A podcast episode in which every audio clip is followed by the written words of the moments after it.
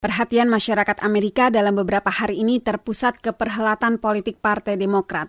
Pada hari pertama konvensi, yang untuk pertama kali dalam sejarah diadakan secara virtual dan disiarkan secara nasional di televisi, masyarakat tidak saja bisa melihat tokoh-tokoh politik, tetapi juga aktris dan musisi ternama.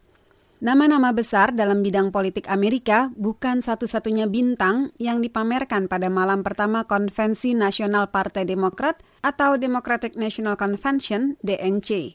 Diadakan secara virtual dan dihadiri simpatisan Partai Demokrat dari seluruh Amerika Serikat, termasuk ibu kota dan teritori, acara yang disiarkan secara nasional di stasiun-stasiun televisi itu dibuka dengan penampilan aktris Eva Longoria. Welcome to our convention across America. We had hoped to gather in one place, but in... Selamat datang di konvensi kita di seluruh Amerika.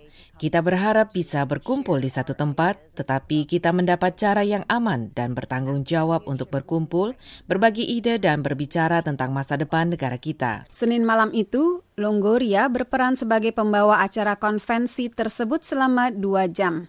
Ia menuturkan, I'm here tonight as a ninth generation Texan, as a daughter of a veteran and a teacher, as a mother, as a voter. Saya di sini malam ini sebagai generasi kesembilan warga Texas, sebagai putri seorang veteran dan seorang guru, sebagai ibu, sebagai pemilih, dan sebagai patriot. Selain Eva Longoria, malam itu juga ada penampilan penyanyi Leon Bridges. Secara virtual, ia membawakan lagu berjudul Sweeter. My chance to be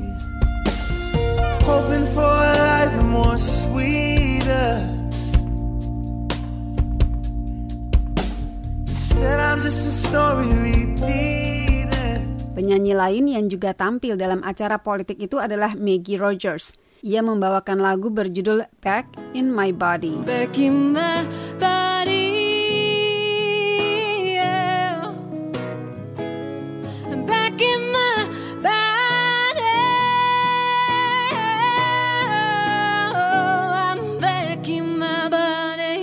Penampilan energik Billy Porter yang berduet dengan Stephen Stills membawakan lagu For What It's Worth menutup acara malam itu.